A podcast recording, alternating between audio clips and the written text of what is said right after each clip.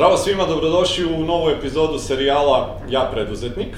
Danas smo u Zrenjaninu i e, u jednoj kompaniji koja je zaista onako uzor i primer e, mnogima kako treba poslovati, e, a ono što je meni baš jako veliko zadovoljstvo i što se radujem ovom razgovoru je što ćemo imati prilike da razgovaramo sa čovekom koji je sve to pokrenuo, sve to napravio, koji je skoro četvrt veka, možda i više u preduzetništvu i ko danas upravlja i vodi firmu koja ima preko 2000 zaposlenih.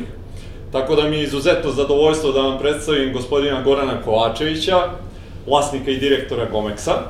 Gorane, e, hvala najpre na odvojenom vremenu, hvala ti na gostoprimstvu ovde kod tebe u firmi i dobrodošao u serijal Ja preduzetnik. Hvala i vama ovaj, na interesovanju, s obzirom da a, mi koji smo radili ovako neke stvari, a, pošto smo vezani generalno za posao i to, A, u suštini ja mislim da volimo kada se neko nešto pita. Dobro, e, ja sam siguran da će e, svi koji nas prate i gledaju imati mnogo toga danas e, vrednog da čuju od tebe i da nauče, obzirom na sve ovo što sam već spomenuo, ali ajde za početak, evo, za neke koji možda ne znaju ovaj, ili nisu čuli za tvoju firmu, da kažemo šta je to što Gomex radi.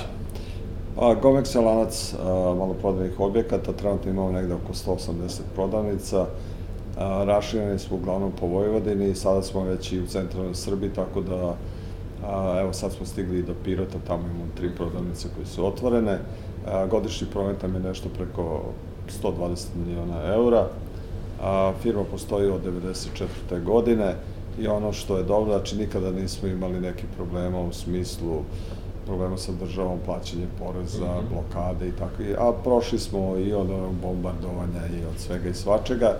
Znači, firma se razvijala polako, ali uporno. Znači, mi nismo imali neki skokovit razvoj da bi za godinu dana pravili neke dramatične ove skokove, ali u suštini to je nešto što i mom temperamentu odgovara, pošto ja sam inače pravnik po struci, mm -hmm i u nekom momentu kad sam završao fakultet da ste me pitali koji je koji je to, koje je to zanimanje koje bih ja radio, znači biti trgovac, to bi bilo recimo od 100 zanimanja negde na 98. mestu bi možda bilo.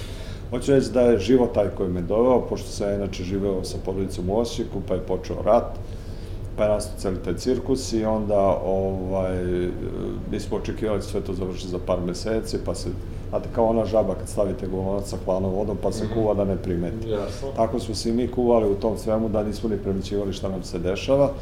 Da bi rekao trutku shvatio da jednostavno a, to je neko otrežnjenje koje takve situacije donose.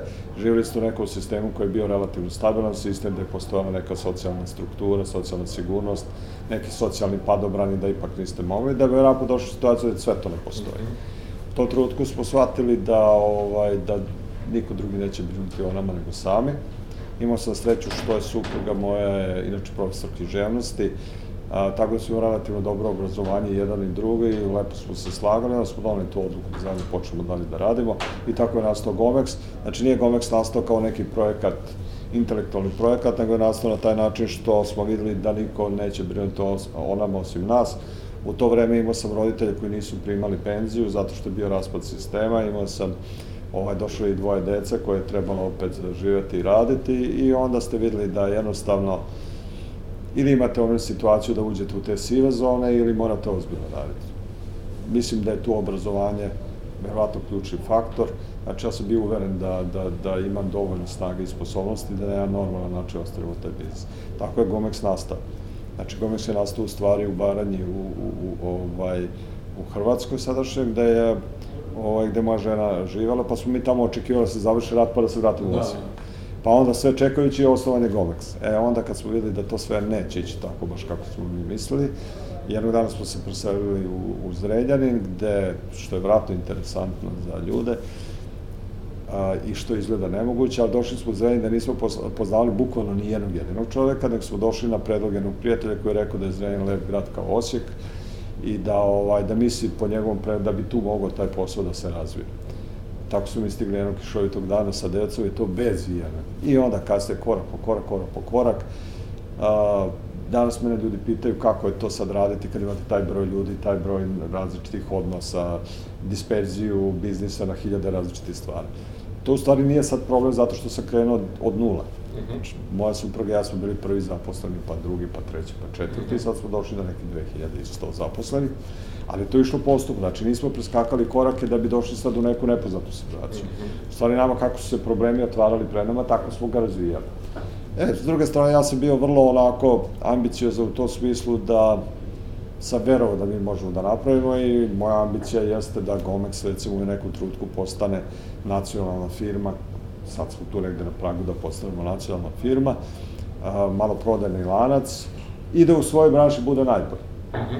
Bez obzira što je ovo posao koje rade multinacionalne kompanije i tako dalje, Ovaj, znači, naše jeste da se borimo, sad bit će kako će biti, odnosno, ja mogu za sebe misliti šta god hoću, a drugi ljudi će proceniti šta je tačno. Tržište, da, Tako. povratnu informaciju. Zanima me u tim početcima, ovaj, rekao si da ti trgovina, ono, e, je bila negde ni na kraj pameti da ćeš se tim baviti, E, šta te je na, na, uopšte, da kažem, nateralo na to i kako su ti prvi početci? Ja mislim da si ti prvo krenuo sa nekom prodajom ili kako je to sve izgledalo? Pa, gledajte, to, moj prvi privatni biznis dok se još bio u Osijeku je bio sa ovaj, sa nekim prijateljima sam osnovao o, reklamnu agenciju. Mm -hmm.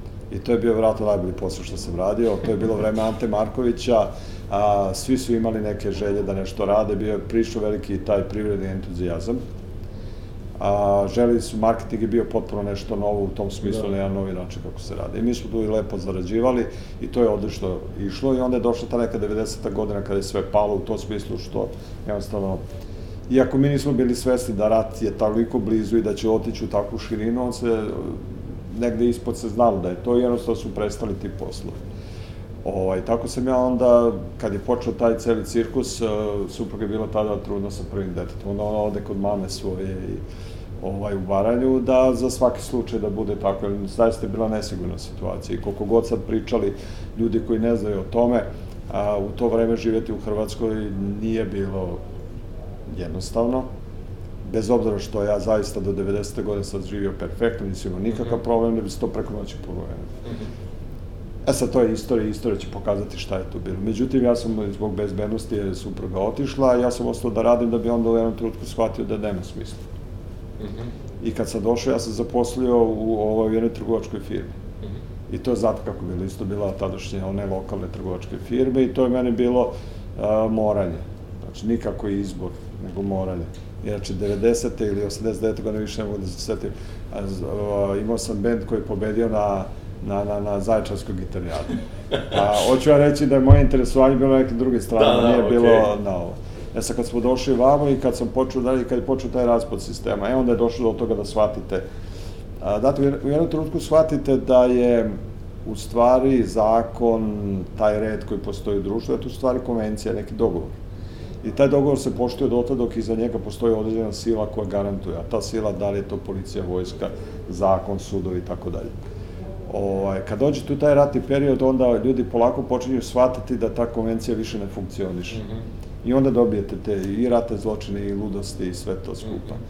I za normalne ljude je to otrežnjenje u nekom momentu, kad vi shvatite da u stvari ne postoji ništa što je što je realno, sve je dogovoreno i sve, ako je danas ovako, sutra može biti potpuno mm -hmm. drugačije. E, u to trutku shvatate da vi nemate šta nego da morate sami. I to je za biznis ubedljivo najbolja kombinacija. Mhm. Kada morate da radite, da, kada nemaš kud i onda, i ako nisi previše pametan, ali ako si vredan, mhm. uspevaš da nađeš što je kao voda Znači, voda uvek nađe onaj neki svoj put. Jeste tako, znači ne morate biti previše pametni, ali ako vas muka natera i uz neku, eto, minimalnu, i morate imati sreće malo u životu. Mhm. Ja sam imao u tom ratu, recimo, nekoliko situacija gde sam mogao da poginem. Mhm. Zato što je rat to ludilo, da možete, specijalno taj rat, u tom ratu ste mogli da budete, da, da ne opalite metak, da ne vidite neprijednikov, a da vam padne bomba na glavu da ne znate zašto. Mhm. Znači, potpuno ludilo je. Ja sam imao nekoliko situacija kad se dešavalo takve stvari da se mogu da izgubim glavu potpuno van ikakve moje kontrole. Mm -hmm. ovaj, I nisam izgubio glavu. Da. Znači, opet, morate imati neku sreću u životu da vam se to desi.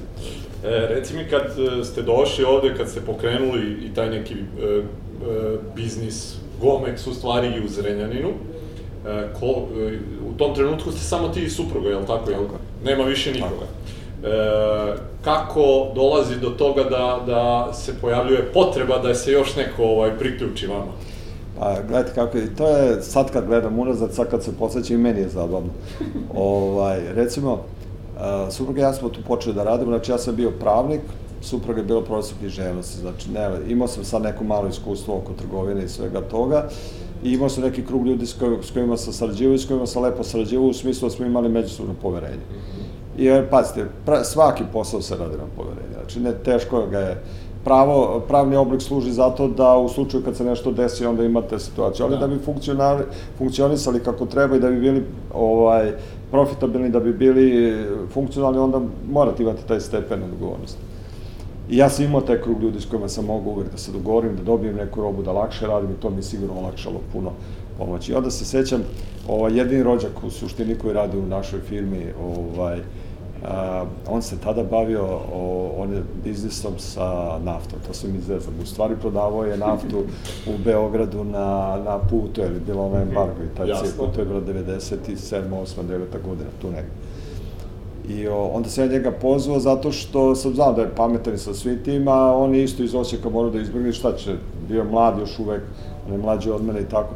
I tako je došao i taj naš Boris i onda smo nas troje gledali u račun i sad nismo znali kako da proknjižimo račun i kako sve to skupa da radimo. Onda zovemo opet ko zna i to onda tako krene. Ja e sad gledajte, a, sad s ove pozicije gledajući, to je ravno samoubistvo. I to je ono u biznisu što je vrlo u preduzetištu. Znači, ako uzmete previše informacija, ako imate, ako previše znate, to ubija biznis. Mm -hmm. I ako pogledate to neko ludo vreme koje je bilo kod nas, tu se pojavljivali neki tipovi koji su radili ogromne stvari.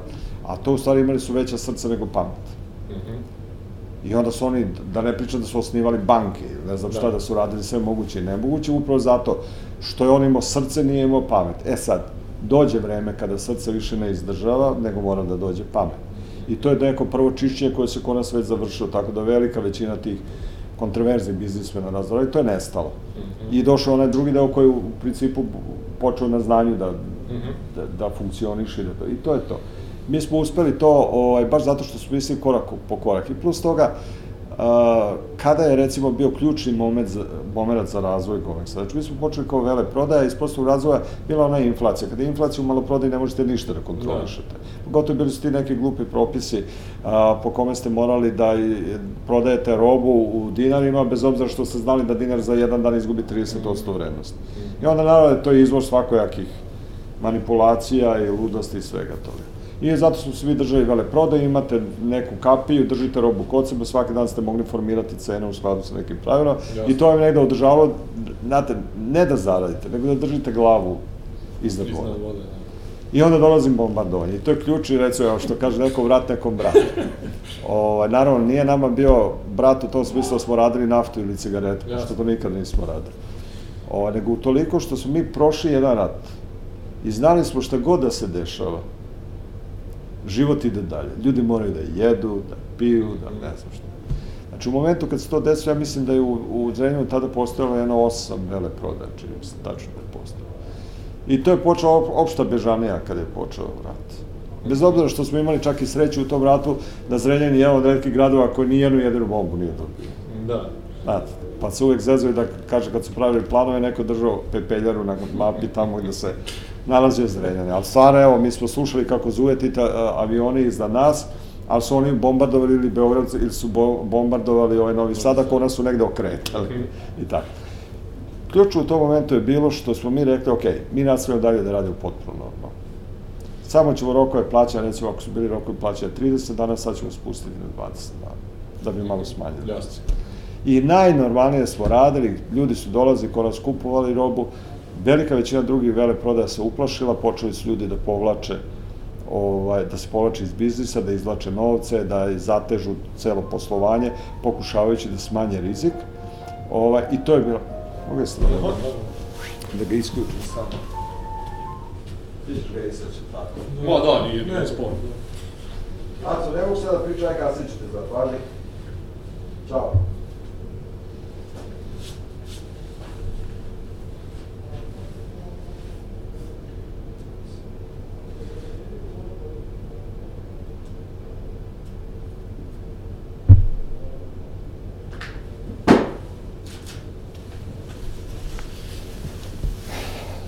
Mislim da je, da je ključan moment bio taj što... Da, da. Ajde da ga možda da nalepite. Mislim da je ključan moment bio u, u to vreme bombardovanja što smo mi jednostavno taj biznis nastavili koji prije i još smo više radili nego prije. I onda su to ovi ljudi koji skupovali kod nas robu prepoznali, oni su došli i mi smo potpuno realno radili i nama je recimo u toj godini porastu promet primer pet puta.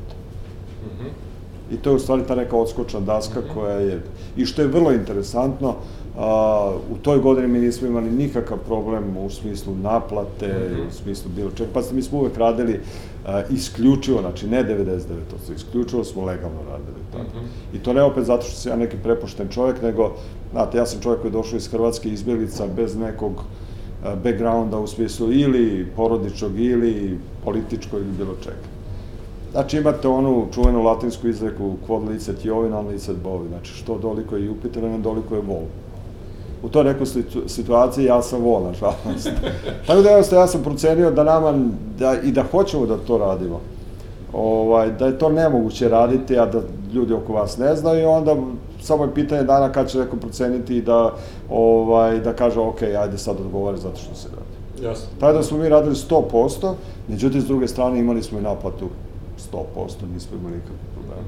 I kad dobijete taj neki vetar u leđa, onda je to kasnije Znači, to je ključna godina, posle toga je bilo dosta lakše i onda je ključna situacija bila negde 2000-te kad se to smirilo sve skupa, kad smo mi u stvari procenili da, pošto je likvidnost bio generalno problem Srbije, Jasno. potrošili smo novce no. Da. napred. ovaj, onda smo procenili da više kroz vele prodaju ne možemo da kontrolišemo našu likvidnost, zato što uvek čekamo da li će nam neko platiti. I sad ako imate s pametnim ljudima posla, onda je to u redu, međutim mi imamo par stotina kupaca, u nekom momentu smo imali skoro hiljadu kupaca. Mm -hmm. Od tih hiljadu kupaca po statistici imate 5% budala, pa da. sad kad uzmete 5% budala, to vam, celi profit vam ode na budala. Ode na njih, da. I to ne možete da raditi. Tako da smo 2000, 2000. godine donali odluku da idemo u malo prodaju. Mm -hmm. I tada je otvorena prva malo prodaja, u sledeće dve godine smo praktično zatvarali vele prodaju, jer smo procenili da to nije interes naš da radimo dugoročno. Mm -hmm E, to je to prilagođavanja novoj situaciji. Mm -hmm. Znači, prije smo morali da radimo vele prodaju, a ova je sad situacija rekla da sad više ne da, smemo da, da radimo vele prodaju. E, zanima me u tom periodu, znači, krenuli ste, eto, ti supruga, pa to kreće malo da raste, pa imate vele prodaju, pa u, u jednom trenutku odlučujete da to e, dugoročno gledano nema više ovaj budućnost. E, kako ti sad e, iz te neke priče gde ste samo ti i supruga, gde se pojavljuju još neki ljudi, kako se ti sad boriš sa tim da ti imaš neki tim koji treba da vodiš i da upravljaš njih? Pa, evo da se na početak. To je ono kad idete korak po korak. Šta je naš tim se stvarao? Sad recimo management Gomexa je, mislim da je 100% izdeljan. Uh mhm. -huh. To su ljudi koji su nastali u. Uh -huh. Recimo čovjek koji vodi sve operacije, ko nas je počeo a, studirao je u isto vreme i bio fizički radnik kod nas. Mhm. Kad je završio fakultet, moja procena bila ko uspe ovako da radi kod privatnika i da završi fakultet, taj ima kapacitete i karakteristike, ovaj, taj karakter neki koji je dobar. I onda smo mi pomogli zajedno ovaj, e, investirali praktično u čovjeka da i on sad vodite naše operacije. Mhm. Uglavnom, 100% kadar, mislim da je taj bitni kadar je Savije ovaj, iz Reljanina, a, je tu i tu onda stvorite jedan odnos lojalnost.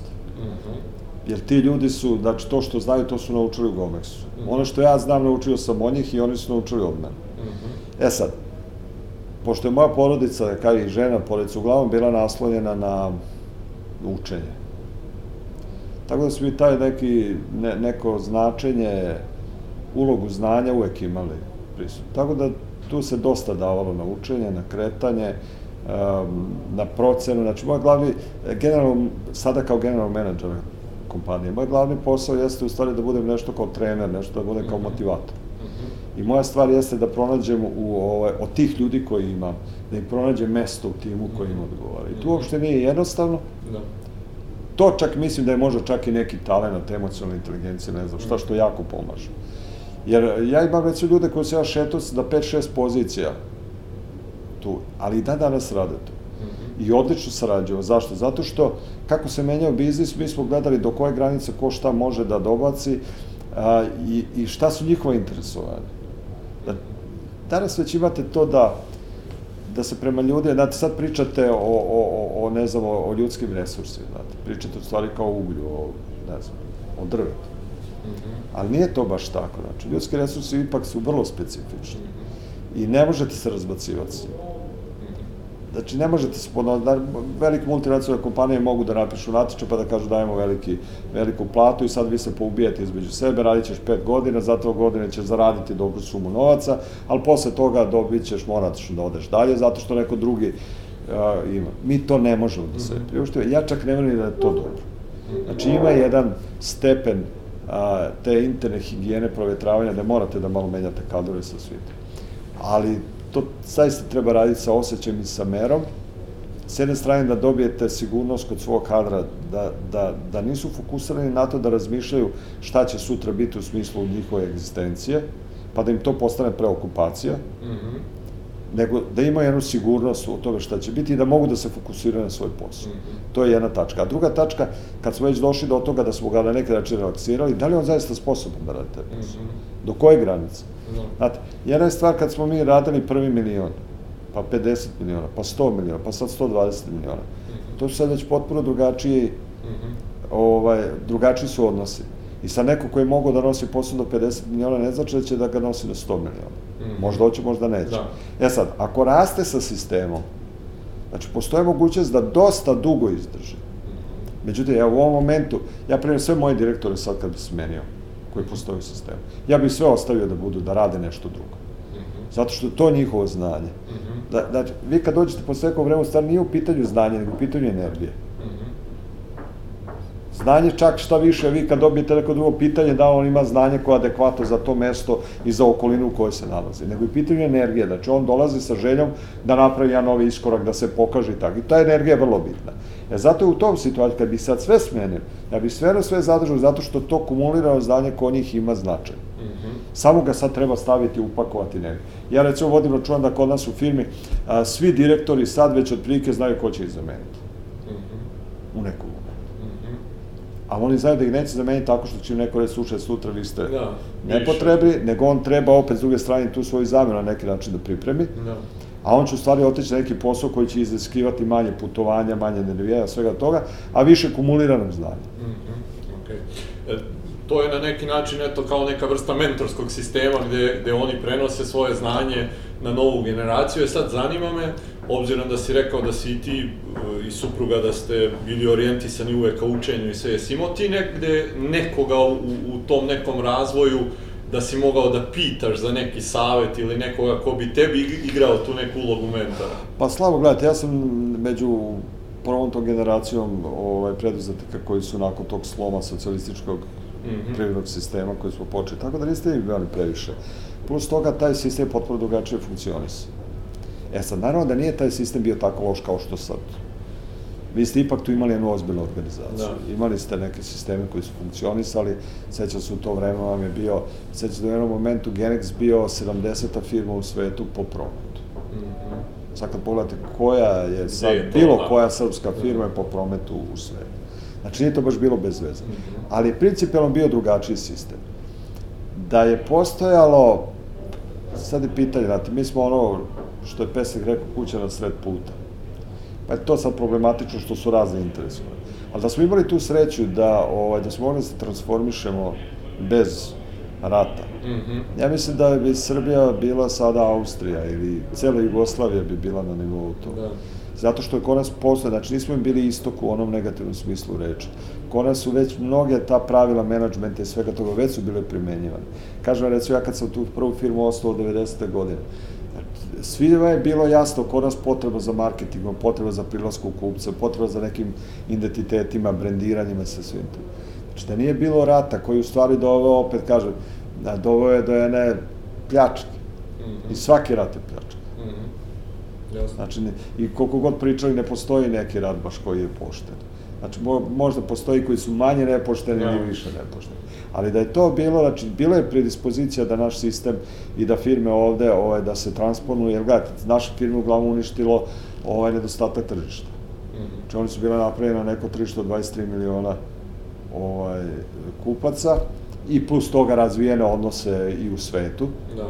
Znači, to da bi ono preko noći došao embargo, ne samo 23, nego ste pali, ne znam, 7-8 miliona kupac, i plus embargo prema vani, onda to jednostavno, i onda vidite da je raspad nekih vrednosti, raspad sistema, e onda kad dođete to ko miševi na brodu, svako beži, niko ne gleda nikoga, pokušava sebe da spasi. Mm -hmm. I onda je, rezultat toga je to stanje gde mi u stvari sa tom tranzicijom razvlačimo 30 godine nikako da. ne završimo. Da, znači, kao i većina, to što si rekao, preduzetnika iz te neke, iz tog nekog perioda ti si uglavnom morao na greškama nekim svojim da učiš. Pa, ja sam baš naslovljen na, na, na, na učenje ovako i, i puno vremena provodim i sad. I ne samo učenje što se tiče te struke, mm -hmm. nego široko čitanje. Zato što u stvari kad vi vi ako previše uđete u struku, u sve to, onda postajete takozvani fah idiot. Mm -hmm.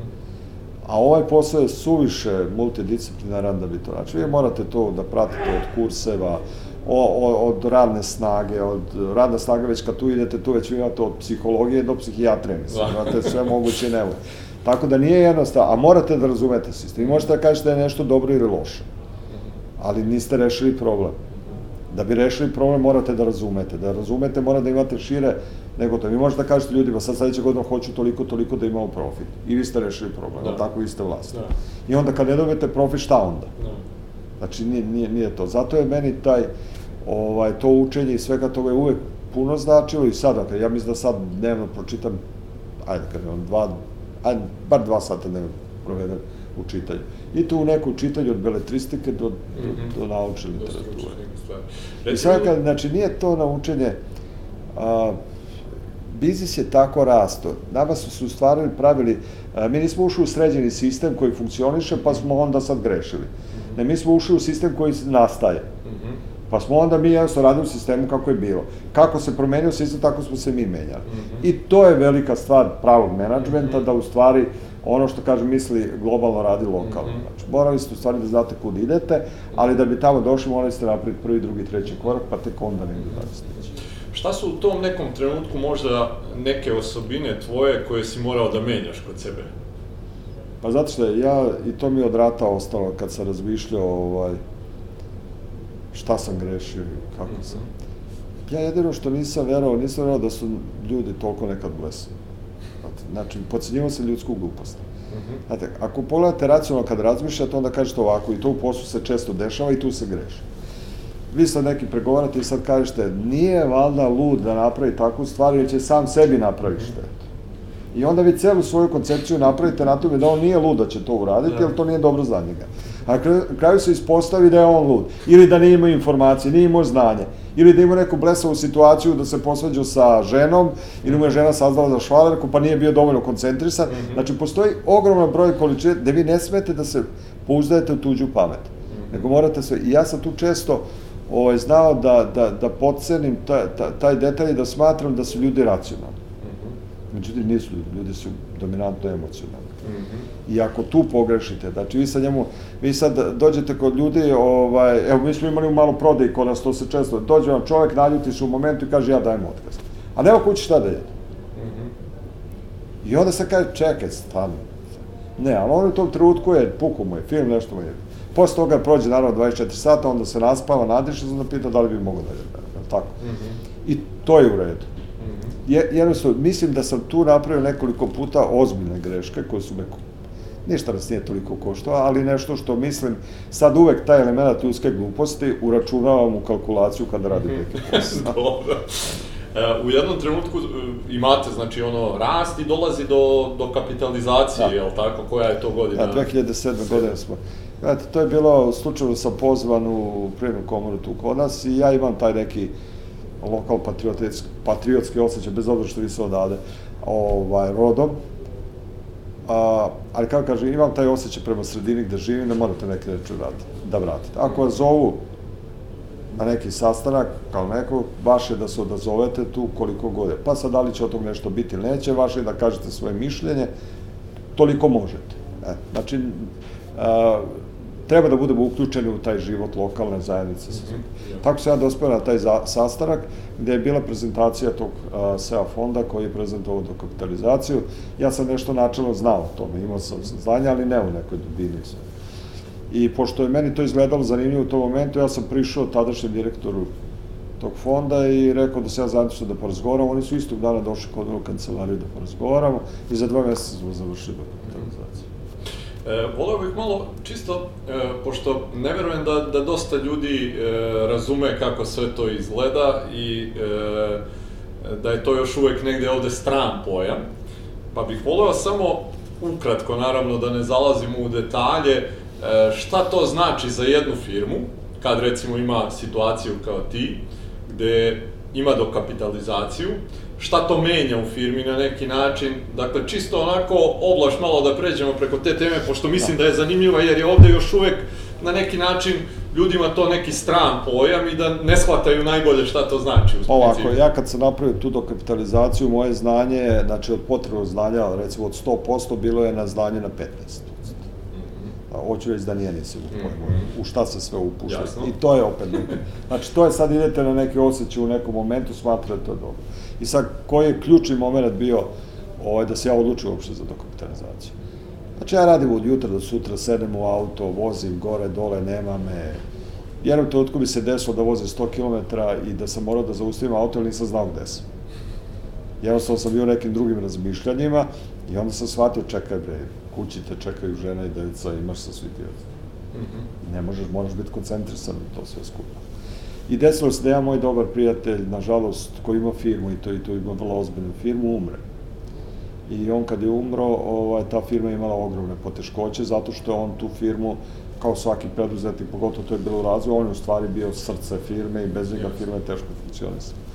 U tom momentu se ja shvatio da sam ja u stvari slaba karika sistema, i da bi bilo dobro da imam još nekog unutra, da iz prostog razloga ako se meni nešto desi po bilo kom osnovu, neko ko je ozbiljan, ko je strukturisan, ko ima organizaciju, ko će se zabrinuti za sve to je i na taj način će se stvari zabrinuti za moju porodicu i za sve ostalo. Mm -hmm. I tako sam se odlučio za dokapitalizaciju, praktično sam hteo da ukrcam još nekoga u brod, mm -hmm da bi podelili rizik taj neki koji jeste. E sad to je donalo neke stvari, da recimo banke i osiguranja i sve te ostale ustanove potpuno drugačije vas gledaju kada imate tu strukturu vlasništva podeljenog. O, e sad, tu morate onda biti ono što sam ja prvog trenutka presekao i od prvog trenutka sam provodio, da više nije ništa kao što je bilo. Znači, jedno je kad ste vi sami vlasnik, pa kupite, ne znam, detetu kuću, pa vodite na firmu kuću. Mm -hmm ili ne znam, bilo šta. Od najpametnijih do najvećih stvari. Ovde nema to. Ovde je firma, firma, privatno je privatno. Ja sam se s njima nagađao koliko će moja plata biti, -hmm. jer sam bio svestan, ja sad živim od plate i živim od neke dobite koje ću dobiti na kraju Jasne. godine, pod uslovom da ima. Jasno. Ako je nema, onda živim samo da. od plate, tako? I tako da smo imali tako neke pregovore koji su brzo išli zato što je sve to jasno, da to mm tako mora. Tako da se ja vrlo brzo, znači moja kuća je moja kuća, uh, moj auto je moj auto, ženin auto koje ona koristi je njen auto, znači nije ništa firmino, sa svi tim i tu morate podeliti strogo. I mi smo onda išli s, tim, s tom transparentnošću poslovanja. Mhm. Jednostavno, ne, ne, više nema tu donošenja odluka ovakve. Mi smo, ja sam u stvari donosio odluke samostalno. Zato što fondovi, generalno, oni nemaju tu infrastrukturu da oni rade mesto vas. Mm -hmm. Tako. Zato oni se praktično na vas klade. Ko na konja. Da. pa izgleda da je dobar, možda će prvi stići, je tako? Da. E, to morate da prihvatite. Znači, vi morate i dalje da radite ovaj sa svitima, ali to mora da bude transparentno. Vaši podaci moraju da budu jasni. I to se na kraju ljudima oko nas koji rade s nama svidelo, zato što su videli sa Gomesom kad se radi, postoje neka pravila, banka kad dođe kod nas, kad dobije naše papire, zna da su to pravi papiri, Ja nikad u životu nisam dao svoje lične menice ili bilo šta kod kredita, zato što su znali da je to firma iza koje stoji ozbiljan biznis i kapital mm. i nešto sve. Svi tim, znači, postoji jedno poverenje drugačije. I verujte, ja i sada kad sa, kada to gledam, uh, Gomex je pre svega nastao ne zbog tog fonda koji je došao kod nas, nego pre svega zbog ljudi koji su radili tu. Mm -hmm. Znači oni su digli to. Fond je dao tu neku formalnu stabilnost i jednu sliku bolju o tome, ali samo poslovanje je suštinski Gomex i dalje radio. O, ali sad kad pogledam unazad, ponovo bi napravio istu stvar i sad za dalje, i dalje raspravljamo oko toga, znači ne o to je da ja otkupim svoj udeo nazad pa da bude 100%, mm -hmm. nego da tražim nekoga novoga ko bi sad je jer ti fondovi su napravljeni stepena, stepenasto, pa imate različite nivo finansiranja i tako se i krećete. Mm -hmm. Pa onda imate, recimo, zato oni rade na 5 godina, 6 godina po prodaju. Znači, jedan fond, jedna vrsta fonda digne do jednog nivoa, druga do druge, treća do treće, dok ne dođete možda do strateškog partnera. Tako da ja sad u stvari tražim partnere neke koji će zajedno sa mnom biti i uopšte nemam neku želju da budem 100% vlasnik svoje. Mm -hmm. Meni se i dopada ovako, ja moram da dam račune. Gledajte, mi ove godine smo, ovaj, u devetom mesecu je završen budžet za sledeću godinu. Sad mi recite, ukoliko je firmi završen budžet, i to ne budžet u smislu spiska lepih želja, da. nego bukvalno budžet gde se svaki dinar od plata, od kredita, sve se unutra budžetira da bi radio. To je meni jedno zadovoljstvo onako i to me sad čini i relaksiran. Mm -hmm. Jer taj budžet opet ne radim ja, nego rade moji ljudi, oni sam dođe na kraju na prezentaciju budžeta da mi vidimo da li to sve jeste realno ili nije realno i da li smo zadovoljni sa onim što smo videli. Ako nismo zadovoljni, da vidimo koje poluge budžeta možemo da promenimo i tako dalje. E, zanima me u tom baš periodu eto, tog nekog razvoja, e, kako izgleda tvoj radni dan u tim trenucima? Pa ovako, ja kad sam počeo, evo, mogu reći kad sam počeo bio ovako. Znači, mi smo u Belom Manastiru otvorili tu veleprodaju i ja sam imao ta neka moja poznanstva s tim firmama koje sam radio i dobio sam, pa u to vreme bila granica, ne pozna, nije bio platni promet. Znači, kogod je radio s nama tamo, taj je bio ozbiljno Realno. Međutim, opet, na bazi to nekog poverenja, mi smo ipak uspevali da dobijemo tu robu. Onda otprilike kretalo ovako, ja ujutru krenem u, recimo, tri, pola, četiri, uzem vozač kamiona i ja, sedemo zajedno, odemo na primjer u Soko Štark, čekamo 7 sati, kad oni otvore, prvi smo na utovaru ili tamo već kako možemo, onda utovarimo robu kompletno, onda odande faksom u to vreme šaljemo na carinu našu, gledajte, mi smo imali to ludilo neke granice. Mhm. Vi normalno kad transportujete preko granice, onda radite, ne znam, dva, tri artikla, jedan artikal pa radite. A ja za malo, ovo kad radite, ja sam visoko štarko uzimo 100 artikala. Pa onda onaj na carini kad vidi 100 artikala na, a cela faktura vredi recimo šta za 10.000 maraka tadašnji. Da, da. Znači to nije, potpuno je ludo sve to. I onda smo, pošto je tako, jednostavno moralo se živeti, a i država ima interesa, pošto ljudi su morali snabdevati, pa su morali da nađu neke srednje rešenje. Onda mi špediteru pošaljamo ti 100 artikala, onda on, dok mi dođemo, on to već radi te carinjenja, sve to skupa, onda mi to sve završavamo tamo sa carinicima i ovaj, negde u 7, 8 sati, 9 sati smo mi kući. U 9 sati onda istovaramo robu do 11 sati, ode na spavanje, ujutru 5 sati se dignemo, u 6 sati se na poslu, do 8 sati radimo kalkulaciju, 8 sati počinjemo da radimo. Tako je krenuo. Mm -hmm. E sad, i to je trajalo sigurno, par godina je trajalo tako, znači nema tu godišnjeg odmora, nema tu ništa. Ja mislim da sam tek posle 5 godina, mislim da sam prvi put otišao na godišnji odmor i to 7 dana na taru pa me žena tela ubiti zato što ona htjela da jedem more. A meni je opet bilo, sica bio svega, tamo mi svežina odgovarala da Aha. Ovaj, međutim, danas je to potpuno drugačije. Danas moj radni dan počne, ja dođem negde, bavim se nekim fizičkim aktivnostima kad se probudim, dođem ovaj, u 8 sati na posao, tu doručkujem, imam neku saticu sastanaka, nekad se desi da radim do 12, do 1 i da se pokupim da odem kući. Mm -hmm. Pošto eto, to je prednost kad ste u Zrenjaninu, ja odem peške, kući i vratim se, ne znam, ja sam 800 metara odavde sam, ovo je moja kuća. Mm -hmm. Nekada radim do 5 sati, nekada radim sve, znači sve zavisi kako jeste i to ona lepota zašto bi ja uvek deci nekoj preporučio da se bavi što to jeste upravo kontrola svog vremena. Mm -hmm. Ove godine se ja bio i, ne znam, neko, pa pretpostavljam da sam ukupno bio jedno dva meseca na razvo raznim odmorima sam bio, što kraće, što dužim. Mm -hmm ali to ne podrazumeva da vi, znate, kod nas više nema onog odmora, po principu izašlo su i, i firme i zaboravili. Da. Mi sad već imamo tu tehnologiju, tako da ja, evo, kad sam bio u Americi, ja sam svaki dan imao kompletne izveštaje šta se dešava. Ja sam mogu sad, ja iskreno ja mislim da sad ne bi morao šest meseci doći na radno mesto, a da bi mogao bez problema da funkcionišem, prvo imamo adekvatne ljude na svim pozicijama koje treba, drugo imamo sistem izveštavanja a, koji meni apsolutno signalizira ako se negde pojavi neki problem. I ja onda mogu, da li preko interneta, da li preko telefona, pitate zašto je ovo dodat, pošalji me ovaj izveštaj, pošalji me, tako da je potpuno irrelevantno. Mm -hmm. To je inače ono što se menja sad u ovoj novoj industriji i generalno tehnologije što donose. Znači ja zaista bukvalno ne bi morao doći na posao u nekom formalnom smislu da sedim da, za radni da, stol. Da.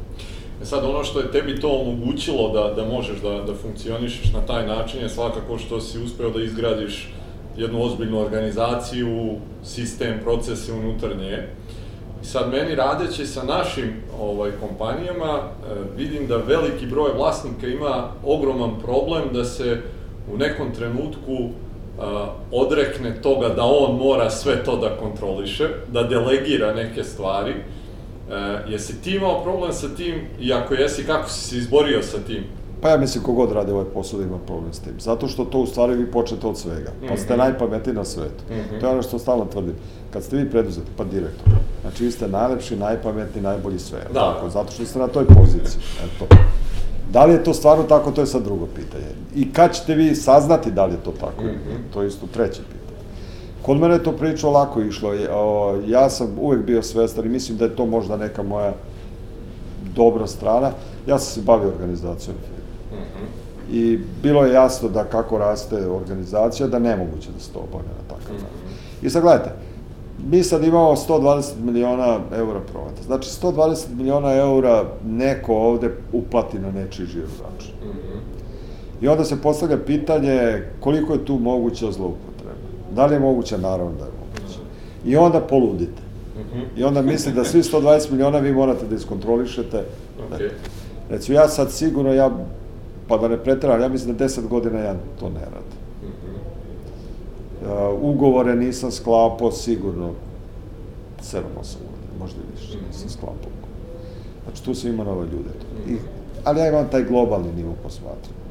Znači, ja vidim moju likvidnost, vidim to. Znači, či, čim vi tu dobijete neke poremeće, to su stvari odraze preko brojke. Mm -hmm, I ako imate dobar informativni sistem, to onda... E sad, Ako nemate dobar informativni sistem, vi ste onda u kontinuiranoj paranoji, da li vas neko potklade neko. Sad zavisite kod nas mi imamo 180 izdvojenih mesta. Sad, da li je neki pera iz malog Iljuša, da li je uzeo i pojeo banana da nije platio. I ako to počnete da razmišljate, onda bolje da se ubije. Da, da. e, onda počnete da radite globalno i da kažete, ok, mi znamo da ove godine će biti ukradeno u sistemu toliko posto. Znamo šta je taj neki benchmarking za to koliko je to u stvari prihvatio ili nije. Mi smo uvek ispod mm -hmm. Zatim, često nas pitaju primjer, baš zato što radimo prodavnice, kupci gore, da, koliko se krade? Manje nego inostranstvo. -hmm. znači, kad vi pogledate koliko je vani, ovaj, koliko vani firme prihvataju kao normalno, kone se tu daleko vani. Mm -hmm. Krade se. Mm -hmm. Ali daleko manje. Da, da. Tako da te krađe ne mogu biti nikako uh, um, nikakvi izgovor za bilo kako nekorektno ponašanje. Znači, vi uvek imate, imate od onih profesionalnih lopova, pa onda imate one ovaj, kleptomane, pa onda imate decu ili neko koji zabavu krade da bi se hvalio vane. Da. To je sastavni deo posla. E kad to jednom savladate, znači ja kad prođem kroz, kroz firmu, ja sad vidim, tačno vidim šta nije dobro. I ne reagujem. Zato što nema smisla da ja sam svoj. Ja to negde ubacim u moj u neko moje razmišljanje i onda pokušam da razmislim da li je to sistemska greška ili zavisi od nekog pera koji nije dobro odradio posao. Jer ako je to samo od pera nekoga, to znači da će njegov šef u nekom momentu prihvat, primetiti to i to će biti rešeno. Ako je to sistemska greška, onda ja moram razmišljati o tome. I ja jednostavno tako nekad, ne, nekad stisne zube, nekad me nervira, pa ste vi hteli da imate najbolju firmu na svetu, najbolje organizovanu, i onda trebate od 1 do 100. I sad idealno je 100 i morate biti svesni da 100 nije, imate 2100 ljudi, opet da kažem, imate 5% procentualno, morate imati ljudi koji su problematični. Mm -hmm. Na 2100 to je već veliki broj ljudi. I dok to ne, intimno to, znate, to ljudi kažu ja ću ovo, ja ću ono, ali vi to morate intimno u jednom momentu a, da jednostavno da ne razmišljate o tome na taj način, Uh, u smislu nekog permanentnog kriminala koji se tu negde dešava, koji je usmeren protiv vas. Mm -hmm. Ja zaista mislim da kod nas generalno su ljudi usmereni da rade posao, ali to je opet, ja sebi uzimam u zavod, da sam organizovao firmu da ljudi sebi vide neku budućnost. Mm -hmm. A onda dešava se i ovo i ono, ali zato postoji sistem. Mm -hmm. e, reci mi, zanima me sad, spominjali smo ljude i uopšte i siguran sam da, da već dugi niz godina se ne baviš tim, ali recimo možda u tim nekim početcima, kad si odlučivao ko će da se priključi Gomexu ili ne? Šta je to što si gledao kod tih ljudi? Pa gledajte, pošto obrazovanje za ovo što mi radimo u suštini u Srbiji je, nije ni postojalo, čak i sada ne postoji na adekvatnom nivou. Znači, tu je Zapad daleko otišao, u smislu baš zanatskih stvari. Mm -hmm. Tako da sam ja uvek više gledao karakternu osobinu ljudi. Znači, pre svega da vidio kak, koliko je stabilan kao ličnost, koliko može da koliko je timski igrač, pa onda koliko je opredeljen da uči ili da ne uči. Mm -hmm. I onda, dobro je kad krećete od nule, zato što onda vi dobijete tako nekog čovjeka, ali ste na nekom niskom nivou. I ako napravi grešku, ne može da napravi kardanu grešku. Mm -hmm. E sad, kako rastete, tako sve imate sposobnije ljude, tako se smanjuje ta moguće. E sad nam je, recimo sad nam već jeste problem, zato što od svakog novog za, zaposlenog uh, više nemate vremena da ga obučavate ne znam koliko vremena. Mm -hmm. Nego već pokušavate da naći neko koji barem ima adekvatno predznanje, neko koje se može akomodirati u nekom kraćem vremenskom periodu. Ovaj, ali ono što sam rekao i za direktore, pokušavam da kontinuirano radimo da ubacujemo nove ljude u sistem i onda da procenjujemo. I sad znate kako to ide, to je sad opet čista statistika. Od 10 ljudi koji vi uzmete, ubacite, vjerojatno jedan, dva odgovara sistemu, oni ostali, od tih osam, ne znam, četiri dobije otkaz, a, četiri se nađe na nekoj drugoj poziciji, a dva vam u stvari ostane tamo da ste hteli da radite. I to je nekad, to je nekad normalno. E, postoji li neki proces e, koji primenjuješ prilikom donošenja odluka? E, pretpostavljam, i da, zanima me još jedna stvar, kako je kompanija rasla i sad na ovom nivou kad pogledaš, 2100 koliko ljudi, dakle 2100 porodica, malte ne, nekad i zavisi od odluke koju ti doneseš. E, zanima me, e, kroz taj neki tvoj razvojni put i kao preduzetnika i kao menadžera i kao generalnog direktora, e, jesi se služio intuicijom, jesi imao neki svoj onako e, proces razmišljanja i je li postojao tu i postoji li dan danas u stvari pritisak da možda neka odluka, obzirom da se radi o ogromnom sistemu od 2100 porodica, nije dobra? Pa gledajte, uvek uh realno. Pobeđuje onaj koji od 100% odluka na 70% odluka donese dobro. 30% mhm. odluka ili 20% odluka, to je sad negde, mhm. neki taj gap. Tu ste dobri ili ste loši. Znači, potpuno iluzorno očekivati da ćete na 100% Jasne. odluka raditi. E sad šta radite? Vi u stvari idete po principu smanjivanja rizika. Mhm. E sad, što je firma veća, ima veće kapacitete, to sad, evo mi sad recimo donosimo odluku o, o gradnji novog skladišta I sad mi angažujemo razne ljude koji nama, ne da nama donese konačno rešenje šta će, nego da nam otvori vidik. I platimo te neke konsultante, imate sa novac da platite, onda ovaj jedan vam kaže ovako, drugi vam kaže onako, na kraju ostanete sami sa sobom i donesete neku odluku. Međutim, skupljujući te informacije, vi ste u stvari dramatično skinuli količinu rizika. Vi na kraju od 100% rizika, vi ste ušli u mogućnost greške od 10% čak i, i posledica toga ne može biti dramatična. I to je, ono što sam ja recimo uvek vodio računa, to je taj neki, neka pravovremenost. Kako ja generalno donosim neke ključne odluke? Tako što prvo postavljam svestan problema, i onda razmišljam o njemu šest meseci, i sad govorimo o nekim bitnim stvarima, ne danas za sutra. Znači, razmišljam o njima šest meseci. I prvo ga složim kompletno u glavi. U to vreme ne razgovaram ni sa Znači, uglavnom uzem ili literaturu ili pokušao ovako svašta da težno, ne? iz neobavezno stvari. I to se negde kuva, to negde sazreo. U jednom momentu se stvori neka forma koja ima glavu i rep.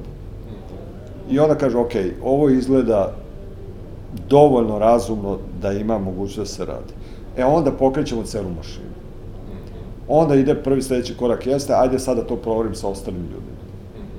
Onda ti ostali ljudi daju sve više. Ako prođe tu, tu taj proces da i ostali kažu ok, to je dobra ideja, to može da se odre sa svitim. E onda napravite jedan pravi projekat plan gde kaže to počinje prvog prvog, završava prvog šestog, potrebno je toliko novaca, potrebno je ovo, potrebno je to i sad više nema razmišljanja. To je ono što bi nekad rekli demokratski centralizam. znači, prođete neku okay. fazu, ali kad krenete u realizaciju, mm -hmm. ja znam recimo kad mnoge o, kolege moje koje o, re, grade neke objekte zide, onda krene, a da nije obezbedio finansijsku konstrukciju svega toga, nego iz tekućeg priliva rada. Mm -hmm. I onda vi sa neki objekat radite 3-4 godine, izvlačite novce koliko treba, međutim kad bi napravili celu računicu korišćenja novca i svega toga, vidite da to nije dobro. Mm -hmm. Kod nas je princip taj, kada se nešto radi, onda se radi ono nemački blitzkrieg. Mm -hmm. U najmanje mogućem roku, mi smo recimo šta, mi napravimo skladište od 10.000 kvadrata, to je 4 meseca. Mm -hmm. Ali to je to, imali ste planiranje, obezbeđivanje sredstava, procenili ste ko je sposoban da to izvede na taj način i tek kad ste to sve rekli, onda ste rekli start mm -hmm. i krenu. Spomenuo si sad baš planiranje, zanima me u tim nekim početcima, ono kad ste tek kretali, jesi imao ti možda neki biznis plan ili je to tad u tim vremenima sve onako više bilo ad hoc? Biznis plan je bio da se preživi do prvog. Znate, ali kasnije, to je Jasne. normalno tada, ali kasnije polako dođete do, do, do toga. Ja, evo, konkretno kako sam bukvalno donao odluku da, ovaj, da postanem samostalan privrednik. A, ja sam to vreme radio kod jednog privatnika koji me izuzetno dobro plaća. Recimo, mogu reći da u to vreme, odnosno pro, prosečnu platu je to možda bilo desetak puta više. Mhm. Znači, zaista za to vreme. Međutim, moja neka svest je bila da, ovaj, da to ne može dugo da traje, zato što su bile te okolnosti lude, sve to skupo. Međutim, imate ženu, imate decu, imate familiju, imate neke obaveze, to morate svaki mesec doneti neke novce da bi to, nema nasledstva, nema ničega. Jasno ja stalo pričam, evo problem mojih kolega recimo u Banatu, što svi imaju nekog babu koji ima ovaj, na selu i pa šta god da se desi, babo je tu. Ja nemam to, tu vi da. morate da radite sa svim. I tada mi dolazi jedan prijatelj iz Osijeka i on meni kaže, dobro, zašto ti ne uzmeš? Tu razmenjujemo mišljenje, ja sam govorim moje, dajte, rat je. Da. Strahove, šta će mi? Kaže, gledaj, ti imaš sposobnost da to radiš sam. Ako ne budeš zaradio platu, ja ću ti davati 500 maraka platu ne. Naravno, ja nisam računao da će on meni dati 500 maraka, ali se ovako me, ako neko, prvo on je bio vrlo ozbiljan, u tom smislu nije to bilo šarlatanski, radio jasne, ozbiljan jasne. posao i sve tako. Znači, ako neko ima poverenje u mene, tako, zašto ja ne imao poverenje u sebe? Znači, to samo poverenje, da bi vi sami krenuli sa svim, to je vrlo, vrlo problematično. Zato ako malo imate obrazovanje, ako imate malo mozga u glavi, vi ste u stvari svesni ogromne, ogromnih problema koji možete imati. Zato sam i rekao da ono u prvom, onoj probitoj akumulaciji kapitala su išli oni sa srcem bez pameti. Mm -hmm. Znači, u nekom momentu kogod ima, on, vi, vi to nikad nećete da radite, zato što ste svesni šta je sve moguće. Da. I to vas počinje kočiti. Mm -hmm. E, u ovom momentu, kad je on meni to rekao, onda sam razmišljao zaista, ako neko ima poverenje. I onda tu sastupa familija. Znači, dolazim kod moje žene, razgovaram sa roditeljima, kažem ideju i dobijem podršku. Što je u stvari vrlo izgleda jednostavno, nije to baš jednostavno. Za, uzmite sad ako je prosječna plata u Srbiji 400 i nešto evra, pa puta 10, znači ja bi sad sa 4000 evra rekao da dajemo otkaz i da idemo nešto da ne znam šta će sutra biti. Mm -hmm. Znači nije uopšte to bilo tako jednostavno odluku. Da, da. Ali eto, na kraju sreće mi to tako. -hmm. e, spomenuo si strahove neke, ovaj, je li ih bilo kroz period razvoja Gomeksa i imali ih danas? Pa, gledajte, ja lično mislim da strahovi su kontinuirani. I to je najveći teret ovog posla su ti strahovi. Vi imate brdo nepoznanica šta će biti sutra. Evo, mi danas a, imali smo sastanak, pa smo dva sata raspravljali o toga koji, koji kurs očekujemo sledeće godine. Znači, nije to sad pitanje da mi budemo baba vanga da radi Jasne. neke opklade, nego je pitanje sledeće godine treba da uzmemo 5 miliona eura kredita. Ako ih sad dignemo sa 117, a sledeće godine skoči na 120, mi ćemo za par meseci da dobijemo opterećenje koje će biti ozbiljno za sve to. Da. Tako da ti strahovi, pa imate konkurenciju, date. Ja sam zaista neko koji smatra konkurencija jedina prava stvar na tržištu i za, i za kupce, a i za trgovce, šta god misli. Jer ovo, to je jedna mentalna higijena, to vas tera da radite, da razmišljate. Ali s druge strane, evo imate tu, imate internacionalne kompanije koje su ogromne. Mm -hmm firma koja ima deseta hiljada prodavnica, ne za milijarde, 40-50 milijardi evra prometa. Sad vi ste u tome igrate. Da. Sad je mora da biti teška budala da se ne bojite. Jel tako? E sad je stvar u tu da kontrolišete taj strah, da procenjujete rizike, da kažete, ok, ovo je najbolja, ovo je najloša situacija. Ajde da procenimo koliko je mogućnost da se desi najbolja, koliko je najloša. Kad napravite tu SWOT analizu neku, kad napravite, onda vidite da ta najgora verzija u stvari nije realna. Znači uvek se on tu negde svrsta u sredinu ili malo od sredine, levo ili desno. Kad tu, e, onda tu spustite strah. Ali to je u stvari kontinuirani neki razgovor sam sa sobom. Ali pazite, ja imam strah, ne znam, deca odu na, na ekskurziju. Strah. Postanete sujeveri, prošli ste rat. Da. Sa svim tim, šta će biti, da će biti. Znači, to samo raste jedan na drugi strah. Onda evo, sad imamo tu radna snaga, to je ozbiljan problem u celoj Srbiji, tek će biti ovaj problem. Kako ćete to organizovati? Hoćete rešiti? Ponovo strah. I to je razuman. E sad morate ga kontrolisati. Mhm. Ako ga ne, ako ga ne, ne, ne kontrolišete, dođete u stresnu situaciju, o, to je vreme za povlačenje. Znači, ako ste već preterano obuzeti strahom, Mhm. onda već... Ali bez straha, ja mislim, na kraju kraja, ja stvarno pričam, recimo, laganje i strah. To su evoluci- e, evolucione prednosti. Mhm. Znači, onaj ko je dobro lago nekada, taj je imao više evolucijnu mogućnost da preživi nego onaj koji istinu priča celo vreme. Onaj koji se više bojao, taj pre pobegao nego što se sukobljavao. Taj isto ima više mogućnosti da to. E sad, naravno, ne smatram da je laganje. Ja ovde kad kažem laganje, pre svega mislim na socijalno laganje. Mhm. To je kad kažete ženi da je baš danas lepo. Bez obzira na sve. Ovaj, I smanjiti sebi količinu problema u Aha. životu ili neko tamo. Ali ovaj, u ovom delu to, to, to mora tako. Da.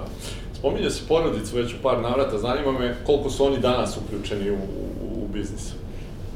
Pa, imam suprugu i ovaj, troje dece. Uh, ovaj, supruga radi kod ovim profesor književnosti, ali kad smo mi došli ovde, došli smo do zaključka da je potpuno iluzorno da traži u, u da je i tada bila velika nezaposlenost, pogotovo u tom segmentu javnih uh, poslova, pa onda je bilo iluzorno da traži posao onda je ona prešla u ovaj biznis i ona radi HR. Znači ona radi ovaj, sa kadrovima i sa svim. I, I to je negde uz taj profesorski posao i obuke i sve to i tako da je ona, ono što je bitno u ovom svemu, znači ona ima tačno svoj posao kao da radi u bilo kojoj kompaniji. Drugo je, tako je. Tako da mi nemamo, mi bukvalno se ne vidimo na poslu, Mhm. osim kad imamo sastanke i sve to. I ova dva starija sina isto rade kod mene, naravno rade u nekem trećem, četvrtom redu, nisu rukovodioci. Jasno. I ovaj, iz prostog razloga što smatram da treba vremena, treba svega toga. Ja bih volio da se oni uzdignu, Mhm. ali to zavisi od njihovih sposobnosti i osobina. Ono što mi je drago jeste da vole da rade, da, Mhm. znate, vi sad ste sretni kad imate dete, da se ujutru ustane u 7, u ovoj situaciji da imate bolje zarađujete, bolje mogućnosti imate, Jasno. pa onda imate problema sa decom. Moja deca se dižu ujutru u 6 sati, u 7 sati su na poslu, rade sve ostalo. I imam ovog najmlađeg, što, ovaj, koji je 12 godina, i e, to je neko, ovaj, to nas pomlađuje i ženu i mene, tako kad, kad imate roditeljski sastanak ili nešto, onda ipak morate da vodite računa da se dete ne sramoti od, od, Da, da, od, da. od roditelja. Ok, drago mi baš ovo što si rekao, pošto mislim da će u nekom narednom periodu, obzirom da ono što smo rekli, vi ste neka prva generacija i da nam tek predstoji ta neka tranzicija sa te prve na drugu generaciju Srbije imati dosta velikih problema ovaj, ako ne budu to radili na pametan način kao što si ti sad rekao, jer postaviti, bez obzira što je to tvoje dete, postaviti ga da vodi sistemom koji ima 2100 ljudi je onako apsurdno i to ništa dobro da donese ne može. Pa Ovako, neće ni detetu raste- dobro, ni Naravno. kompaniji, ni detetu, mislim, Jasno, niko neće. da- jasno. To je baš onako jedna široka tema, nažalost nemamo puno vremena za nju, obzirom da, da smo blizu ovaj, kraja emisije, pa bih htio jedan deo da posvetimo ljudima koji nas prate, a koji su tu negde da pokrenu biznis ili su ga možda pokrenuli. Šta je to što bi im ti dao kao možda neke savete sa svim sad ovim što ti znaš? Znate, što se tiče same vrste biznisa, nečega, to im niko ništa ne može dati savjet, zato što, evo, ja sam, mene, kao što sam rekao, mene muka natrela da se počne baviti trgovinom i sad sam u njoj otkrio neku lepotu gde bi ja sad platio da radim ovaj posao. Aha. Ne da mene plati, nego bi ja platio, jer je to toliko širok, toliko interesantan posao. To znači da oni moraju sebi da nađu. To je prva osnovna stvar da kažu, ok, to je nešto što mene interesuje. Vi imate sad problem da ljudi kažu kako da preživim do prvog, kao što sam ga ja imao. Mhm. I onda kad to kaže, onda pravi kompromise koji su na kratki rok izgledaju razum, na drugi rok su loši. Šta to znači? To znači da počinje da radi neki posao samo zato da zaradi neki dinar a, i polako tu počinje da stagnira. Znači, mjesto da se razvija, on počinje da stagnira. Ja razumem da ljudi imaju problem, znači moraš da radiš bilo šta da bi zaradio posao, ali moraš da imaš viziju gde hoćeš ili šta da radiš. Pogotovo za ljude koji imaju neke škole i tako. Iako preduzetištvo je u stvari stvar karaktera, ne stvar obrazovanja. Mhm. Znači, preduzetištvo je za mene pre svega sposobnost da, da, ste, da preuzimate rizike. Kad ćete vidite, u stvari preuzimanje rizika je problematično kod svih. Nije to, i kad imate svo znanje ovog sveta, opet teško preuzimate rizik. Znači, mo, ja bih u svakom slučaju, pre, kogod ima sklonosti, kogod ima taj osjećaj neki da bi želeo da radi, ovaj, ja bih mu uvek preporučio da, da radi privatno. Zato što ta mogućnost da sami rukovodite svojim životom, to nema, nema cenu, bar za mene nema cenu. E, s druge strane, šta je ono što je bitno? Znači, više nema laganih novaca, mora biti svestan na to da mora da radi. I to isto onako što sam ja radio, znači iz početka puno, pa sve manje, na kraju si gospodin. Ali je, to je neki put koji prođe 15 godine, ne znam šta, znači nema preko noći svega mm -hmm. toga. Ne kažem, možda izmislite neku tehnologiju, napravite neki da. softver koji ćete prodati, ali to su izuzeci. Mm -hmm. Pravila jesu da u stvari morate uporno da radite, ali ako volite to, i ako to radite ozbiljno, statistički postoji velika mogućnost da uspete u bilo kom biznesu. Mm -hmm. Zato što, pogotovo u Srbiji, u Srbiji nije, Srbija još uvek nije u tom nekom smislu strukturisana da se tu tačno zna ko šta radi da ne. Mm -hmm. Znači, u Srbiji možete bilo šta da počnete da radite. Ako gradite dovoljno ozbiljno, a, samo je to dovoljno ozbiljno i malo vam treba sreće u životu, kao što za sve treba sreće Jasne. u životu da bude. Tako da nema tu neki specijalni, više je to karakter. Ako se sprema malo da se žrtvuješ i to i ako ne očekuješ, ono što mene brine generalno, kada vidim ljude koji procenjuju poslove, pokušavaju da se bave nešto što će po principu ekonomičnosti u najkraćem roku dati najveći mhm. rezultat. Mm -hmm. To je u redu, ali nije realno. Mm -hmm. Znate, kad bi tako bilo, sve firme bi bile uspešne. Mm -hmm. Znači, nije to. Znači, vi morate od šta vama odgovara, šta vas koliko toliko ispunjava da radite i onda uporno, uporno, uporno. I ne, ne, nema tu neke velike filozofije. Opet kažem, više pitanje karaktera nego pitanje znanja. Okej. Okay. Pitanje sa kojim završavamo sve naše razgovore. Obzirom da si mi rekao da nisi imao prilike ni da pitaš nekoga u to vreme kad si sve započinjao, niti si imao nekog mentora na taj način, da imaš prilike sad da se vratiš u tu 95-u i da sa svim što ovim sad ti znaš, da daš neki mentorski savet Goranu iz te godine. Šta bi to bilo? Ovo rekao bi da ne rade. ovaj, gledajte, sad kad se vratite unazad, to je upravo ta stvar preduzetišta. Znači, kad bi se s ovim znanjem vratio unazad i kad bi znao šta sve treba da pređem, to vam je kao da nekom kažete, evo, slušaj, sad imaš, od sledeće pet godina će te bole glavu. Mhm. I onda odmah dođeš da se ubiješ, je tako? Aha. Zato ako moram pet godina da trpim bolove. Ali ako to ne znate, pa vas danas boli, pa sutra, pa prekosutra, to polako dođe u neku rutinu mm -hmm. i prođe vreme. Mm -hmm. Dakle, ne, nemate, a, ja sad tu neki savet njima, kako bi rekao, šta bi ponovo radio, kako je, tu, tu nema. Znači, samo, ponavljam, samo je to karakter, mhm. imate volju, pazite, moja osnovna stvar zbog čega ja to radim. S jedne strane imam porodicu, ajde, to je neki egzistencijalni dio. S druge strane, znači, Gomex treba da postane nacionalna firma, a, firma sa kojoj će se moja deca ponositi, ja prosto. To će nama doneti neke novce. Mm -hmm. Ali novce su posledica, mm -hmm. novce su posledica, a ne uzrok. Uzrok je bio kad nismo imali, kad smo računali od prvog do prvog. Da. Kasnije se to izgubi. Mm -hmm. I kogod, kogod radi biznis zbog novaca, tu ovaj, mora dođe u neki problem kad tad. Mm -hmm. Naravno, novci će doći. Mm -hmm. Ali ako nemate taj lični osjećaj, a, ovo je avantura. Znate, ja to sad, ja za kad sam svirao, kad sam band, znači ja sam želeo da budem da imam najbolji band u svetu. I sad kad uzmete neki rock and roll i posao koja ja radim, rekli da je to Bog i Šešidže različite stvari, ali nisu. Znači, pitanje je vaš odnos prema tome. Kad sam imao band, pokušao sam da napravim najbolji band, kad radim film, pokušao da imam najbolji film. Svi principi su isti. A vi samo treba da se pronađete tu šta je to što vas čini sretnim. Ok, Gorane, hvala ti puno na, na odvojenom vremenu, malo smo i probili ovaj termin za tvoj sledeći sastanak. E, želim da ti se zahvalim za, za ovaj razgovor i za sve ovo što si podelio s nama, siguran sam da bi mi mogli da vodimo ovaj razgovor još jedno dva sata do brana. E, želim ti da, da nastaviš da radiš ovo sve što radiš na ovaj način i drago mi je što smo imali priliku da, da te malo bliže predstavimo ovim nekim mladim ljudima koji se nadam da će se ugledati na, na tebe i na sve te neke preduzetnike koje smo mi predstavili kroz ovaj serijal, da im to bude neka zvezda vodilja i neki cilj ka kome bi oni sami trebali da streme, tako da mi je zaista bilo zadovoljstvo razgovarati A, s tobom Evo ja još bih hteo da kažem ovaj, um, da ja jako podržavam stvari kao što sad ti radiš oko svega toga snimanja. Zašto?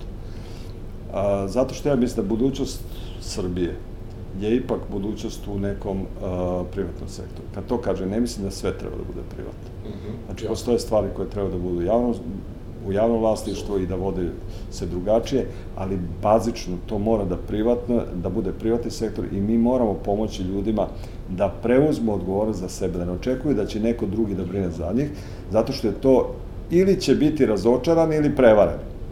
Mhm. I zato mislim da su ovakve emisije jako dobre, ako bude bar jedan čovjek hteo da i uspe od svega to da napravi, nešto smo napravili. Moja iskustva su dobra, znam za neke vaše emisije koje ste imali, za većinu tih ljudi i poznam. Mhm. I ako smo mi mogli, mogu i oni.